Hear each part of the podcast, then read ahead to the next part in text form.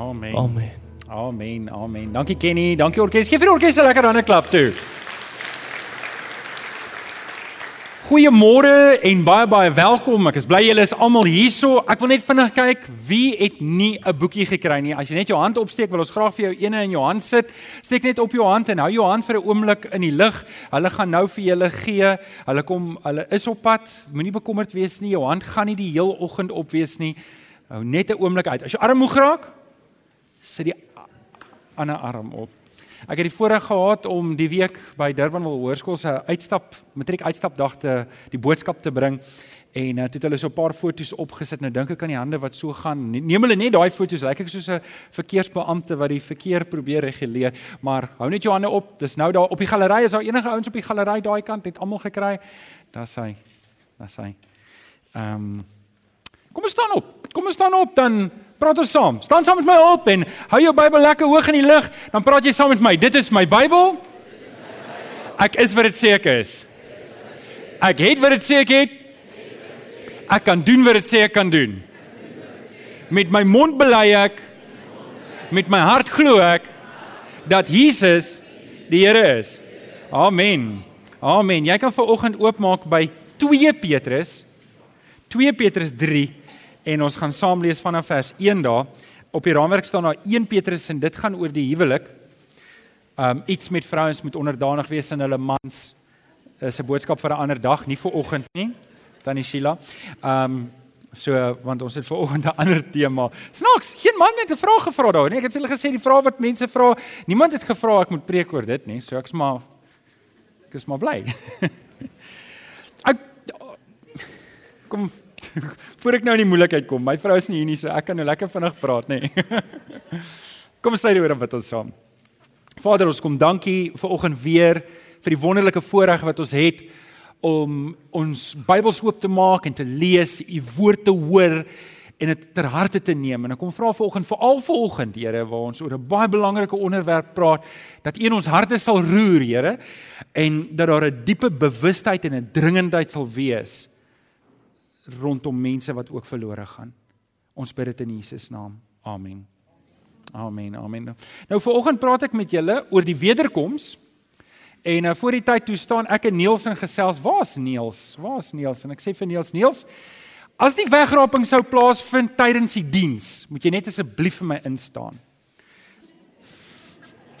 Jy moet 'n bietjie dink oor daai, né? Hy het ook eers so 'n oomblik gedink sê, dis 'n law. Ehm um, ja, dis sommer net speel speel. OK, so ons is besig met hierdie reeks van die vrae wat mense vra. En weet julle die nommer 1 vraag wat mense neergeskryf het was die woord wegraping. Saam met dit was ook die wederkoms ingegooi. So julle kan nou dink ek het net vir myself 'n baie moeilike ding hier uitgedruk. Ons het dis seker nou al ek kan nie onthou nie Alex, maar ek dink dis die derde keer wat ons in hierdie gemeente die reeks doen die vrae wat mense vra. En Elke keer gee ons vir julle die vraag om te antwoord om te sê waar wil julle hê moet ons preek? En dan skryf julle dit neer. En dis die eerste keer in hierdie 3 seisoene wat ehm um, julle vir ons sê nee, ons moet hieroor preek. En dat dit sommer net van nêrens af nommer 1 is. En ek nou gedink dit kan dalk goed wees om met julle te praat hieroor. En dan um, miskien moet ek jou voorberei dat jou siening wat jy dalk huldig oor die wederkoms verskil dalk dramaties van wat die meeste mense hier dink. sien een ding moet jy verstaan wat ek glo is die waarheid. Anders sou ek dit nie geglo het nie. Kom, verstaan julle? Met ander woorde, dit wat jy glo is vir jou die waarheid. Of dit nou is of nie is nie, dit maak nie saak nie. Jy glo dis die waarheid, anders sou niemand glo tog doelbewus iets wat nie die waarheid is nie. So wanneer dit kom hierdie goed is dit moeilik en en julle daar's nie minder as 5 verskillende sienings oor die eindtyd nie. En ek gaan gou-gou met hulle almal met julle deel. En in ons gemeente kan ek julle nou sê, ek weet ten minstens van 'n paar sterk manne van julle en vrouens van julle wat regtig lief is van die Here, wat verskillend sien dinge sien oor die eindtyd. OK. En ehm um, so nou wil ek gou by voorbaat sê, ek gaan nie my eie opinie hierso lig nie, nê? Nee, ek gaan nie dit doen nie. En ek wil wel 'n geleentheid skep dat as jy hier sit en jy sê, "Maar Johan, ek weet regtig nie wat ek moet glo oor die eindtyd nie," dan gaan jy vir my 'n kaartjie invul en sê, "Johan, wederkoms eindtyd of wat ook al jy wil, jy gaan hom vir my daar agter ingooi en ek gaan 'n Sondag aand kursus aanbied wat ek dan vir jou sê wat jy moet glo oor die eindtyd. OK? Is jy happy? Maar ek gaan dit nie nou doen nie. Ek gaan bly by die raamwerk. So kom ek deel gou-gou met julle die vyf verskillende sienings. Ek gaan dit kort doen. En jy gaan dit identifiseer. En die rede hoekom ek dit vir jou gee is want ek wil hê jy moet verstaan, daar's groot kan ek sê godsmanne. Manne wat lief is vir die Here, manne wat ernstig is oor die Here, groot teoloë, ouens vir wie ek hoë agting het wat op verskillende sienings is. So, wat ek wil hê moet weet is is ek en jy moet dalk bietjie nederiger wees oor ons eie siening. Want ongelukkig sien ek dat Christene sal slagveld toe gaan oor hulle eie siening. En ek dink nie dis nodig nie. Ek dink dit is onnodig. OK, so nommer no, siening nommer 1. Ek het dit nou dis in Engels, ek het nou die Afrikaans daar wat ek vinnig net met julle wil deel. Die die eerste basiese siening is premillennialisme. Waar is die prentjie nou? Is hy kom hy daar's hy. Dis die boonstene so jy sien as die kruis en dan gaan lewe aan tot op 'n punt en dan begin 'n groot verdrukking dan sal daar 1000 jaar weder ag 1000 jaar vrederyk en dan is die wederkom. So net dat julle weet almal behalwe die laaste siening glo in 'n wegraping. Nou wat ons definieer as 'n wegraping is ons ontmoet die Here halfpad Daar's egter net een siening wat 'n aparte wegraping verwag en ek gaan nou by hom kom. Die tweede siening daarso is dispensasionele premillennialisme. Met ander woorde, hulle glo ons gaan nog leef, dan gaan daar eendag 'n wegraping plaasvind. Boom. En dan gaan die vliegtuie val want daar's nie meer vlenier nie en al hierdie vreemde goed gaan gebeur en dan kom daar 'n groot verdrukking. Met ander woorde die Here kom haal sy kinders voor die groot verdrukking en dan staan daar 1000 jaar vrederyk en dan kom die finale wederkoms. Met ander woorde na die wegraping is daar as te ware 'n tweede kans vir mense om tot bekering te kom, tot geloof. Dis die tweede siening. Die derde siening daarso is uh, net gewone postmillennialisme met ander woorde daar's ons gaan nog so lewe en dan gaan die Here sy oorwinning aankondig en dan gaan daar 'n 1000 jaar 'n letterlike 1000 jaar vrederyk wees en dan gaan die wederkoms plaasvind en die Here gaan die finale oordeel doen. Dan amillennialisme, dis nou die onderste ene. Dit is 'n siening wat sê die 1000 jaar is nie 'n letterlike 1000 jaar nie, maar is 'n figuurlike 1000 jaar en dit word aangekondig met Christus wat sê God bring vrede tussen hom en mens en hy wil hê alle mense moet gered word. Dis waarna die vrederyk verwys en dan aan die einde kom die wederkoms. Dan is daar 'n ander siening wat nou nie in hierdie prentjie is nie en dit is preterisme. Dis nou die volgende ene. Preterisme word ook in twee gedeel. Jy kry gedeeltelike preterisme en ten volle preterisme. Hulle verwag nie 'n wederkoms as sulks nie. Met ander woorde, alles het gebeur 70 na Christus toe die tempel verwoes is, toe al die goed in Openbaring en alles het in vervulling gegaan en hierdie lewe speel op 'n manier af tot op die einde, weet en ons gaan hemel toe, die wat gered word en die oordeel vind plaas soos wat die mense maar doodgaan. So hierdie aarde speel maar af. Daar's nie 'n spesifieke wederkoms wat plaasvind nie. Dis die vyf sienings. Is julle geskok as ek vir julle sê daar's een van elk in hierdie gemeente? Ek gaan nie laat julle hande opsteek nie. OK. Maar wat ek wel wil sê is ek wil twee goed sê. As jy nie weet wat jy behoort te glo nie, volg my kaartjie en dan sal ek vir jou sê wat jy moet glo. OK? Want jy moet iets glo want as jy as jy nie weet wat jy glo nie, gaan jy nie die mekaar raak. Maar jy sê dalk hier soos ek, ag, wat maak dit saak? Ons gaan hemel toe en ons verkondig die evangelie en ons is lief vir die Here en ons gaan aan. Maar ons het 'n probleem. Woensdag aand het ons selgroep. En in daai selgroep gaan julle baie psyched up, vol energie opdaag by jou selgroep om jou siening te bespreek. Wie sê amen daarop? Moenie amen sê daarop nie. ek wil vir jou een versie gee vir die selgroepe want regtig my ondervinding is kom ek gee net 'n insident wat met my gebeur het. So 'n ou bel my, hy twee of drie keer die kerk besoek en um, dis hoekom ek nie my my opinie gee of my siening gee nie. Ek gee dit nie, ek gaan dit nie vanoggend gee nie. Jy gaan die hele diens deur gaan en jy gaan uitstap en sê maar ek wonder waar Johan? En ek wil nie dit doen nie want want want ek het gesien. Ek het regtig gesien. 'n Ou kom sien my. Hy was twee keer by die kerk en hy kom sê hy sê vir my, "Glo jy die wederkoms gaan so plaasvind?" Ek sê vir hom, "Nee, glo dit nie so nie." Ja, gaan nie naaste by nie. En hy sê, "Hoe glo jy?" Ek sê toe vir hom ook glo. En toe sê ook in daai geval kom ek nie weer terug kerk toe nie. Ek sê, "Wat?" Weet so, met ander woorde ons kan soms nie oor Jesus, ons kan soms nie die woord is die woord van God, maar oor iets waar daar vyf sterk verskillende sienings is, weier ek om enige toegewings te maak. Ek sal tot die dood toe stry met jou. En jy het nooit weer teruggekom kerk toe nie. Ek ek moet vir eerlik wees, ek was so teleurgesteld in dit want ek kan met jou saamstem, ou saamwerk al verskil jy met my siening en dis oukei. Okay. En ek wil jou na een vers toe vat. Romeine 14 vers 1. Ek weet nie of op die raamwerk is nie. As dit nie is nie, skryf hom asseblief neer. Romeine 14 vers 1. Aanvaar die een wat in die geloof swak is sonder om met hom te stry as sy opvatting van joune verskil. Dis 'n beginsel. Vriende, Ek wil glad nie hier moet 'n stryder in die selgroepe wees nie. Glad nie. Ek my selleiers was baie bekommerd oor hierdie hierdie spesifieke ene. Beloof my julle sal nie stry nie. Sê asseblief mm. OK, wie het nie mm gesê nie steek op jou hand. Daar's 'n hand daar. Sê asseblief mm. OK, jy het OK daar. OK is goed genoeg. OK. Nou, kom ons kyk na 2 Petrus 3 vanaf vers 1 tot 13. 2 Petrus 3 vanaf vers 1 tot 13. Geliefdes, dit is al die tweede brief wat ek aan julle skrywe en in albei het ek geprobeer om julle weer helder te laat dink deur julle te herinner aan die woorde wat ek vroeër deur die wat vroeër deur die heilige profete verkondig is, as ook aan die gebod van die Here en verlosser wat deur julle apostels aan julle oorgedra is. Veral moet julle weet dat daar in die laaste dae mense op die toneel sal verskyn wat die spot dryf en wie se lewe net deur hulle eie begeertes beheer word. Hulle sal spot en sê en wat het nou geword van die belofte van sy wederkoms? Ons vaders is al dood en tog bly alles net soos wat dit is van die begin van die skepping af. Hiermee vergeet hulle moetswillig dat lank gelede 'n hemel en 'n aarde was wat deur die woord van God uit water en deur water ontstaan het. En dit is ook deur die water dat die wêreld van daardie tyd oorstroom is en vergaan het, verwysend na Noag se ark. Maar die hemel en die aarde van vandag is bestem en word bewaar vir die vuur, ook deur die woord van God en word in stand gehou tot op die dag waarop die goddelose mense veroordeel en verdelg sal word. Vers 8. Een ding moet julle egter nie vergeet nie, geliefdes, vir die Here is eendag soos 'n 1000 jaar en 'n 1000 jaar soos eendag. Die Here stel nie die vervulling van sy belofte uit nie, al dink party mense so. Nee nee, hy is geduldig met julle omdat hy nie wil hê dat enigiemand verlore moet gaan nie. Hy wil hê dat almal hulle moet bekeer. Maar die dag van die Here sal so onverwags soos 'n dief kom. En op die dag sal die hemel met 'n groot gedruis verdwyn en die hemelliggame brand en tot niet gaan en die aarde met alles daarop sal vergaan. Aangesien al hierdie dinge so aan hulle einde gaan kom, moet julle des te meer vroom en aan God toegewy lewe. Lewe in 'n verwagting dat die dag van God kom en beywer julle daarvoor. Die dag waarop die hemel en die vlamme in jou jammer dat die hemel in vlamme sal vergaan en die hemelliggame sal brand en wegsmelt Maar ons leef in die verwagting van 'n 'n nuwe hemel en 'n nuwe aarde wat God beloof het en waar die wil van God sal heers. Net daai paar verse, net daai vir. Sjoe.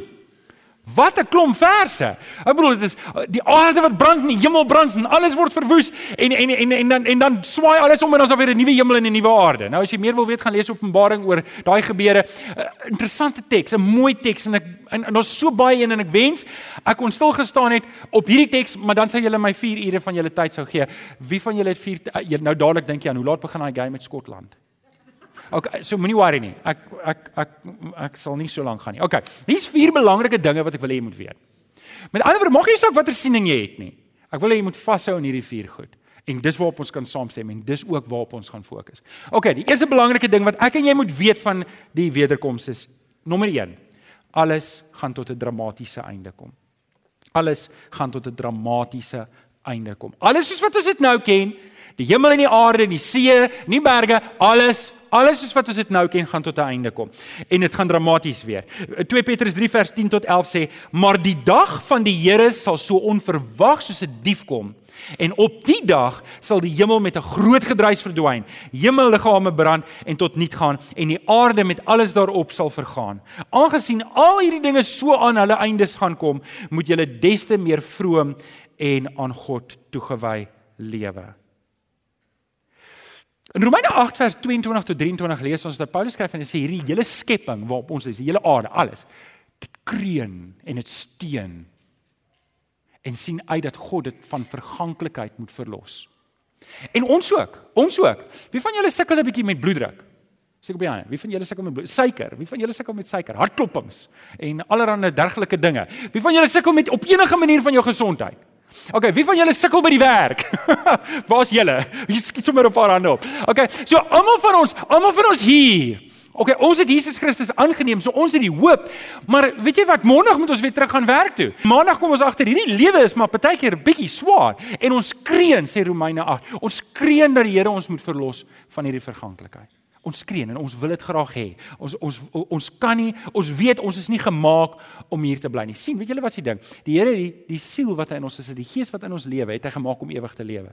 Maar hierdie liggaam het met die sonne die sonneval verval en dis hoekom ons oud raak en hoekom ons gewrigte en alles oppak en hoekom ons stikkend raak langs die pad. En nou het ons 'n probleem.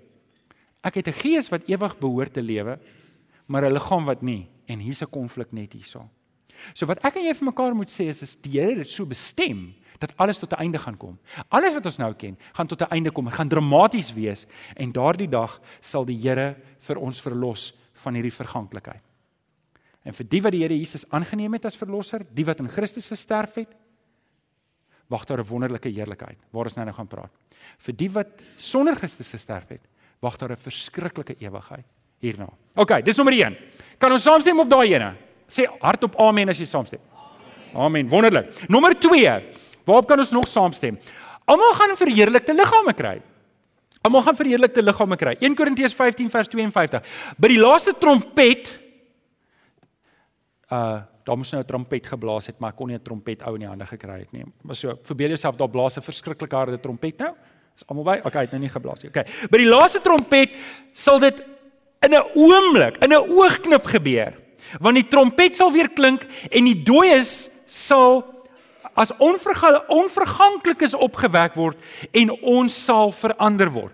Wat 'n interessante teks. Ons die dooies sal uit die doodheid opstaan. Dis almal van ons. Hierdie trompet gaan blaas en al die dooies, maak nie saak of hulle goed of sleg was nie, gaan opstaan uit die dood en almal gaan verander word. En ons lees verder aan um, in Openbaring 20 vers 13 dat die see gaan sy dooies teruggee en die grafte gaan sy dooies dood. Die doderyk gaan al sy dooies dood. Julle as daai trompet blaas, nê, nee, bars alle chaos los. So vir die wat leef gaan dit nou nog hulle iets wees om te beleef. Ek moet sê op 'n manier verkies ek om dood te wees. Ek wil liewer wees die wat opstaan uit die dood as die wat daar rond staan en sê, "Wat gebeur nou? Wat gebeur?" Kan julle dink dit moet 'n verskriklike oomblik wees as jy sien skielik die aarde bewe en hier staan maar maar okay, dis nie die punt nie. Die punt is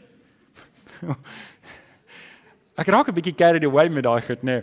Die punt is ons gaan almal verheerlikte liggame kry. Filippense 3 vers 21 sê, "Dit die krag waarmee hy alles aan homself onderwerp." Okay, so, ek wil net sê jy moet daai deel van die vers hoor. Die krag wat God gebruik om hierdie hele mensdom en wêreld onder beheer te hou. Is dieselfde krag wat hy gebruik, lees ons. Sal hy ons nederige liggame, dis die liggaam waarin jy nou is, vat net so aan jou vlees dat jy weet dis hierdie vlees wat so stikkend is, nê? Nee, hy sal hierdie nederige liggame verander om so sy verheerlikte liggaam te wees. So met ander woorde, die verheerlikte liggaam soos wat Christus nou het, ons gaan so 'n tipe liggaam kry. Nou, hoe wat is die kenmerke van hierdie liggaam? Dit is 'n liggaam wat nie gaan sterf nie. Dis 'n liggaam wat onsterflikheid het. Dis 'n liggaam wat gaan aanbly lewe en en, en dis 'n wonderlike gedagte. Ehm um, Paulus sê in 1 Korintiërs 15 vers 53, hierdie verganklike liggaam moet met die onverganklike bekleed word en hierdie sterflike liggaam met die onsterflike. So, Julle ouens wat in suiker siekte ly? Dit gaan nie meer daar wees nie. Bloeddruk? Dit gaan nie meer daar wees nie. Julle ouens met brille? Jou brille bly hier. Gaan nie saam nie. OK, jou stukkende tande? Wat het hulle gesê? As jy nie tande het nie, vir jou sal gesupply word. OK. Almal van ons gaan verheerlike liggame kry. Almal van ons, hoor jy, a, a, a, dit gaan dit gaan wonderlik wees, nê. Nee. Daai ding dat jy opstaan in die oggend en jy moet eers die diesel engine aan die gang kry om net jou een been uit te kry, is verby. Is verby. OK, dis 'n verheerlikte liggaam. Al van ons kry dit. OK, kan jy saamstem dat ons almal verheerlikte liggame kry? Sê hardop amen. Amen. OK, nommer 3. Waar waar kan ons saamstem rondom die wederkoms? Wel, almal gaan geoordeel word. Nou weet ek, Almal soos, "Wow." Tot nou toe kon ek saamstem, maar nou gaan jy eers moet verduidelik. Ek gaan dit probeer. Hebreërs 9 vers 27 sê 'n mens is bestem om net eenmaal te sterf en daarna kom die oordeel. Kan ek 'n kantlyn nota maak? Daar's baie Christene wat lief is vir die Here, maar hulle praat die taal van reïnkarnasie.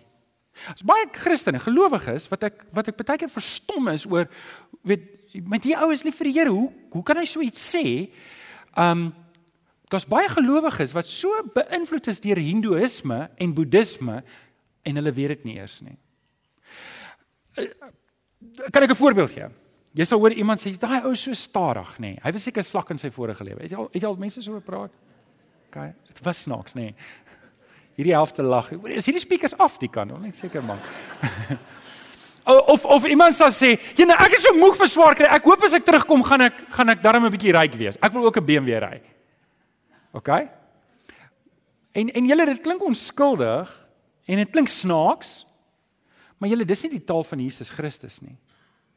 Dis die taal van boeddisme en hindoeïsme wat glo jy kom elke keer terug en as jy goed geleef het, dan sal jy terugkom as iemand beter. Né? Nee? En julle is almal baie cool, so julle moes baie goed gedoen het in julle vorige lewe. OK? Maar as jy sleg gedoen het, dan moet jy pas op. Jy kan nou, weet jy, kan jouself kry as 'n ladybug of 'n ek weet nie, 'n aardwurm of 'n ding. So jy moet nou pas op, weet jy, moet nou nie opmors in hierdie lewe nie. En vriende, dis nie die taal van Christus nie. Dis die taal van Hindoeïsme en Boeddhisme ek, ek en jy mag nie ons toelaat nie want dit is nie net om op 'n dwaalspoor te wees nie. Dis om afgodsdiens aan te hang. So ek ek wil dit net onder julle aandag bring want die Hebreër skrywer maak dit baie duidelik. 'n Mens is bestem om net eenmaal te sterf. Daar's nie 'n ding van ek kom terug en ek kom terug en ek kom terug tot ek eendag in nirwana is nie. Daar is nie so iets nie. Ek is hierdie lewe is vertel. Hierdie lewe is wat tel. Nou oké. Okay. Dit gesê. Paulus maak ook 'n ander punt. Alhoewel ons bestem is om eenmaal te sterf en daarna kom die oordeel, maak Paulus ook 'n punt nie almal gaan sterf nie. Nie almal gaan sterf. Daar gaan mense wat nog lewe wanneer die Here terugkom. 1 Korintiërs 15 vers 51 sê hy: "Kyk, ek maak 'n geheimnis aan, aan julle bekend. Ons sal nie almal sterf nie, maar ons gaan almal verander word." So met ander woorde, die mense wat nog lewe op aarde, Hulle gaan verheerlikte liggame kry sonder om te sterf. Dis wat Paulus sê, ons wil die ou oor die nuwe aantrek want ons wil nie sterf nie. Wie van julle sê ek's excited om dood te gaan? Asseblief nie hande opsteek nie. Kyk, ek Nafisa, ek ken nie om om dood te wees nie, nê? Maar ek hou nie van die idee van om dood te gaan nie. Maak dit sin? Weet daai storie van luister ouens, ek's regtig gereed om hemel toe te gaan. Ek sê jy so haastig op hierdie stadium nie. Ek moet eers 'n bietjie nog met julle gesels. Is dit oukei okay as ek nog 'n oombliekie is? Um, oukei. Okay. Nou, ek weet ons praat nou oor punt nommer 2 wat 'n verheerlikte liggaam is, maar ek moet hierdie punt gou gemaak want ek kom by die oordeel. sien, die een ding wat ons moet weet, gelowiges en ongelowiges kry verheerlikte liggame. Almal gaan verheerlikte liggame kry. Ek sien onder Christene is daar die misverstand dat ons gaan nie geoordeel word nie. Ons gaan geoordeel word. 2 Korintiërs 5 vers 10. As jy wil neerskryf, 2 Korintiërs 5 vers 10 sê Ons moet immers almal voor die regterstoel van Christus verskyn. Was Paulus 'n gelowige?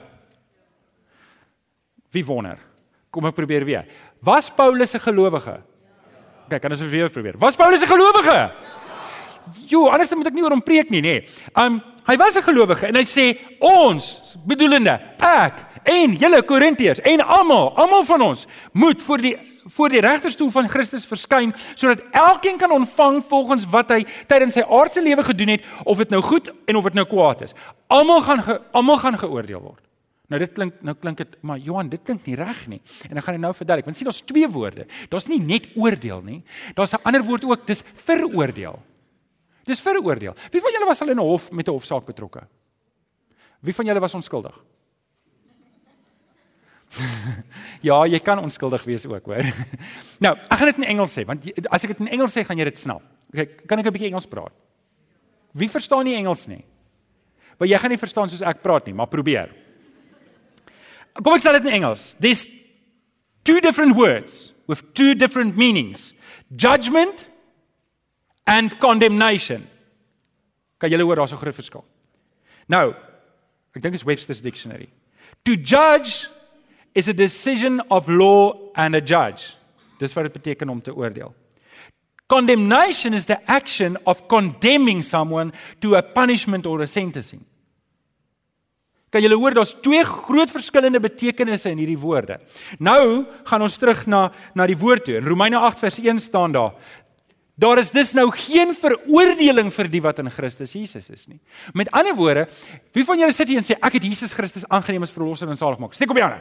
Steek op die hande. As jy nie jou hand opsteek nie, dan moet jy met my kom praat na die tyd. Okay, so jy sit hier so en sê ek het die Here Jesus aangeneem. Jy gaan voor die regterstoel van God verskyn.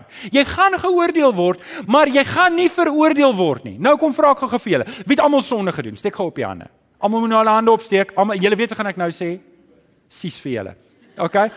Almal van Romeine 3 vers 23 sê almal het sonde gedoen en ontbreek hulle van die heerlikheid van God. Romeine 6 vers 23 sê omdat ons sondaars is, verdien ons die dood. Dis die loon wat die sonde gee, is die dood, maar die genadegawe wat God gee is ewige lewe. En dit bring ons by Romeine ag by Johannes 3 vers 16. Hoekom spreek God ons vry? Want nie omdat ek goed gelewe het nie. Ek kan nie ek kan nie goed genoeg lewe dat die Here my vryspreek nie. Ek het net te veel opgemors. Wie van julle sê amen, ek het te veel opgemors? OK? Maar, maar Johannes 3 vers 16 sê dat die Here Jesus het vir ons op die kruis gesterf sodat as ek in hom glo, as ek my vertroue in hom stel, as ek die Here Jesus aangryp as my verlosser en saligmaker, is daar geen meer verdere veroordeling nie. Hoekom nie? Want hy het my oordeel, die veroordeling om tot dood te gaan, het hy op die kruis vir my gedra. Ek hoef nie meer te sterf nie.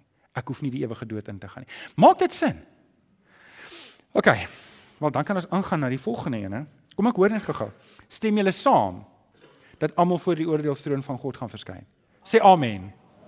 Amen. OK, nommer laaste. En ek gaan kort op hierdie ene stil staan. Daar is net twee ewige werklikhede. Volgende week praat ek meer hieroor. Ek praat oor die hemel en oor die hel. Maar ek wil tog hierdie twee verse lees waar ons volgende week meer gaan praat. Matteus 25 vers 34 sê: "Dan sal die koning Ons in die begin lees ons hy het hulle geskei, so skape en bokke, nie die aan die linkerkant en die aan die regterkant. Dan sal die koning vir die aan sy regterkant sê: "Kom julle wat deur my Vader geseën is, die koninkryk is van die skepping af van die wêreld af vir julle voorberei, neem dit as erfenis." So met ander woorde, daar's mense wat gered word. Maar ons lees in Matteus 25 vers 41, dan sal die koning vir die aan sy linkerkant sê: "Gaan weg van my af, julle vervloektes, gaan na die ewige vuur wat vir die duiwel en sy engele voorberei is."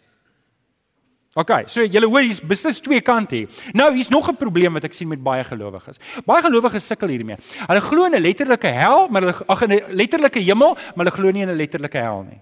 En die rede daarvoor is om te sê, ja, maar hoe kan 'n liefdevolle God enige iemand hel toe stuur? En dit is gebaseer op die gedagte dat ek kan God se liefde en God se heiligheid losmaak van mekaar af. En jy kan nie God se liefde en God se heiligheid, God se liefde en God se regverdigheid losmaak van mekaar nie. Onthou julle, deur om sonde te doen, deur om weg te lewe van die Here, kies ek om nie die Here te dien nie. Ek kies dit. En niemand van ons sal daarvan hou as iemand iemand doodgemaak het hier in die straat en die regter sê, weet jy wat, nê, nee, ek ek kan sien jy huil bitterlik. Ek ek sien jy's nou spyt, so jy kan maar net gaan. Gaan net hy. So julle dink dis 'n goeie regter? Dis nie 'n goeie regter nie, dis 'n slegte regter. En dit klink my ons het 'n paar van hulle dalk. Um maar tog verwag ons van God om dit te doen. En hy doen dis nie hoe hy werk nie. So ek ek wil net dit stel, as jy glo in 'n letterlike hemel, moet jy ook glo in 'n letterlike hel. Jy moet, want die een is wel die skrif leer in elk geval van buite. So, volgende week gaan ek meer daaroor praat. Ek wil tog twee gedagtes noem terwyl Kenneth opkom. Kenneth, jy kan slank opkom. Ek wil twee gedagtes noem. Wat moet ons doen? Wat wat staan my te doen? So met ander woorde, luister, as jy glo in 'n aparte wegraping, wonderlik. As jy nie daaraan glo nie, wonderlik. As jy weet jy wat kans ons is hier op die aarde. Wat moet ons nou doen met hierdie inligting? Daar is twee belangrike goed wat ons moet doen. Eerstens, ons moet gereed wees. Ek en jy moet gereed leef. Maak nie saak van jou toekomsverwagting nie. Ons moet gereed leef. 1 Tessalonisense 5 vers 2 sê: "Julle weet self maar al te goed dat die dag van die Here onverwags kom." En weet julle, dis nie die wederkoms nie. Dit kan my dood wees. Ek ek hoor van 'n vir 'n man wat nou 2 of 3 maande terug bel sy werk om en sê hoorie ons kort dokumente. Hy klim op sy motorfiets op pad werk toe. Dis die aand 8:00. Hy moes gou-gou iets gaan doen het en en hy en hy, en hy ry oor die groen lig met sy motorfiets. Groen lig. En 'n bakkie kom van die kant af en ry hom dood. Mos dood. En Weet vir my en jou om nou die koerant op te hou en te sê, "Hoerie, kom ons kom ons werk uit hoeveel tekens ek sien om te sien, het ek daarom nou nog 'n kans om hierdie ding te wen om vir die wêreld te lewe?" Is roekeloos. Is roekeloos. Die Here wil nie ons moet roekeloos lewe nie. Die Here wil hê ons moet kyk en en seker maak ek is gereed. En vanoggend moet ek daai vraag vir myself vra: Is ek gereed om my Skepper te ontmoet? Het ek die Here Jesus aangeneem as my verlosser en saligmaker? Dis die eerste ding wat ek moet doen. En die volgende ding wat ek moet doen is Ek moet my lewe instel om siele te wen vir die Here. Lukas 19 vers 10 sê 'n seun van die mens het immers gekom. Die seun van die mens het immers gekom om te soek en te red wat verlore is. Vooroggend staan ek en Dr. Rudy daar agter en ons praat sommer so oor mense wat sê ja, maar ek moet net lewe dan sal mense Jesus in my sien. Maar weet julle, dis nie heeltemal hoe dit werk nie. As jy goed lewe en jy vertel niemand van die Jesus wat in jou is nie, dan sien hulle 'n goeie mens. Hulle sien nie Jesus nie. As ek nie my mond oopmaak oor Jesus nie, dan mis ek die geleentheid om mense te wen vir die Here. En vriende, ons moet 'n gemeente wees wat 'n dringendheid in ons hart het om mense te wen vir Jesus. Amen. Ek wil vir julle bid. Kom ons sê die ore bid ons saam. Vader, in hierdie oggend weet ons daar's daar's so baie dinge wat aangaan. Maar Here, op die einde van die dag is hierdie twee die goed waarop ons moet vas staan en dit is dat ek moet seker maak my verhouding is oop met U en ek lewe vir U. Ek moenie roekeloos lewe nie en daar moet 'n dringendheid in my hart wees, is die tweede ding. Dat mense tot bekering moet kom, dat mense die Here Jesus moet aanneem. Ag Here, kom maak ons 'n gemeente wat nie net gereed leef nie, maar met dringendheid leef om mense vir U te wen. Ons bid dit in Jesus naam. Die kinders van die Here sê: Amen.